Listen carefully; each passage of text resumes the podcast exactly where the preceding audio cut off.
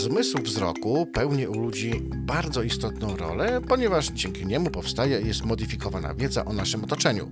Prawidłowo funkcjonujący narząd wzroku umożliwia m.in. widzenie światła, rozpoznawanie kształtu przedmiotu, różnicowanie barw i ich wysycenia, ale także prawidłową i odpowiednio szybką reakcję w ruchu drogowym. Kierowcy, którzy spowodowali wypadek z udziałem motocyklisty, rowerzysty, potrącili pieszego, niekiedy tłumaczą się, że nie zauważyli dwukołowego pojazdu czy też idącego człowieka. Czy to kiepska wymówka? Okazuje się, że nie zawsze. Jednym z możliwych wyjaśnień jest zjawisko ślepoty pozauwagowej. Polega ona na tym, że kiedy człowiek koncentruje się na jednym zadaniu, przestaje reagować na inne bodźce wzrokowe, nawet jeżeli dany obiekt pojawi się w centrum jego pola widzenia. Ciemna noc, ulewny deszcz, śnieżyca czy mgła, to wydaje się, że przede wszystkim w takich warunkach kierowca może nie dostrzec zagrożenia na drodze, ale nie zawsze przyczyną są niekorzystne warunki pogodowe, czy też wada wzroku osoby prowadzącej pojazd. Kierowca może patrzeć wprost na nadjeżdżający motocykl, pieszego, a nawet zwierzę wchodzące na drogę i mimo to tak naprawdę ich nie zauważyć. Z badań przeprowadzonych przez psychologów wynika, że człowiek może mieć problem z dostrzeżeniem tego, czego nie spodziewa się zobaczyć. Kiedy osoba koncentruje się na konkretnym zadaniu, zdolność postrzegania innych bodźców może być niewielka lub nawet zupełnie wyłączona. W ruchu drogowym ta właściwość ludzkiej percepcji może okazać się bardzo niebezpieczna. Kierowca powinien być w stanie zareagować na wszystkie zagrożenia, zwłaszcza jeżeli te pojawiają się nieoczekiwanie. Kierowca nie ma wpływu na to, jak funkcjonuje jego umysł, ale mimo to są sposoby, aby zwiększyć bezpieczeństwo swoje i innych uczestników ruchu. Jak to zrobić? Po pierwsze, podczas jazdy samochodem nic nie powinno dodatkowo rozpraszać uwagi kierowcy. Po prostu.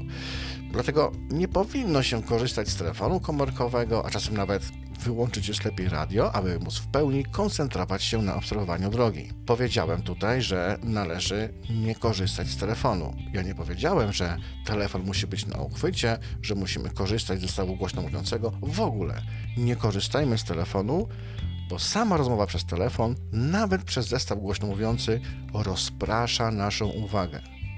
Prędkość. Ona odgrywa tutaj kluczową rolę. W sytuacji, gdy kierowcy przydarzy się nagłe zagrożenie na drodze, ma on większą szansę na odpowiednią reakcję, gdy porusza się z prędkością dostosowaną do warunków ruchu.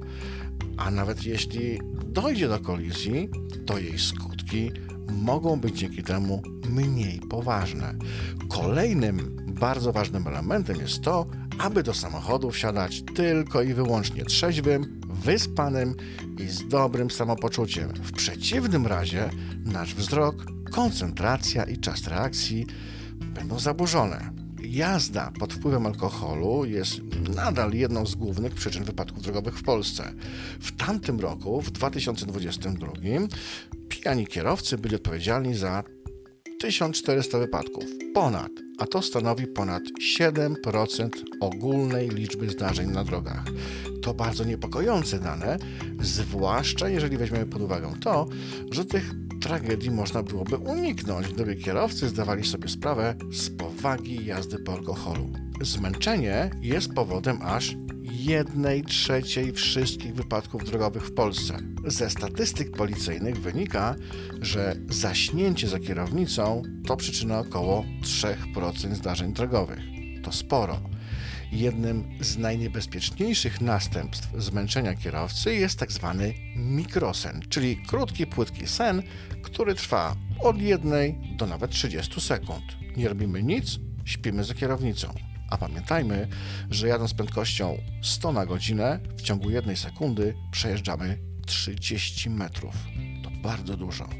Badania wykazały, że sprawność prowadzenia pojazdu przez zmęczonego kierowcę, który nie śpi od 17 godzin, pogarsza się w takim stopniu, jak przy pół promila alkoholu we krwi.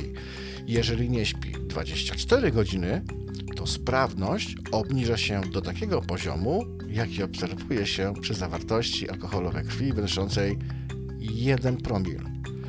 Głównym symptomem zmęczenia jest oczywiście ziewanie, ale to nie wszystko, bo do tego dochodzi częste i powolne mruganie, opadająca głowa, dreszcze, ale także problemy z przypomnieniem sobie tego, co działo się kilkadziesiąt sekund temu.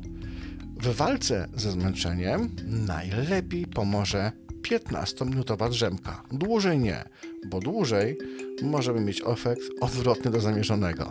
Ale po takiej drzemce nasz organizm potrzebuje od 10 do 20 minut, aby odzyskać zdolność koncentracji. Podczas dłuższych podróży warto zaplanować postoje, na przykład na stacji benzynowej, w miejscu obsługi podróżnych, a te postoje warto wykorzystać na spożycie posiłku. Dietetycy zalecają, aby w ciągu dnia spożywać od 4 do 5 posiłków w odstępach 3-godzinnych. Więc co 2 godziny przerwa, a co 4 kanapeczka.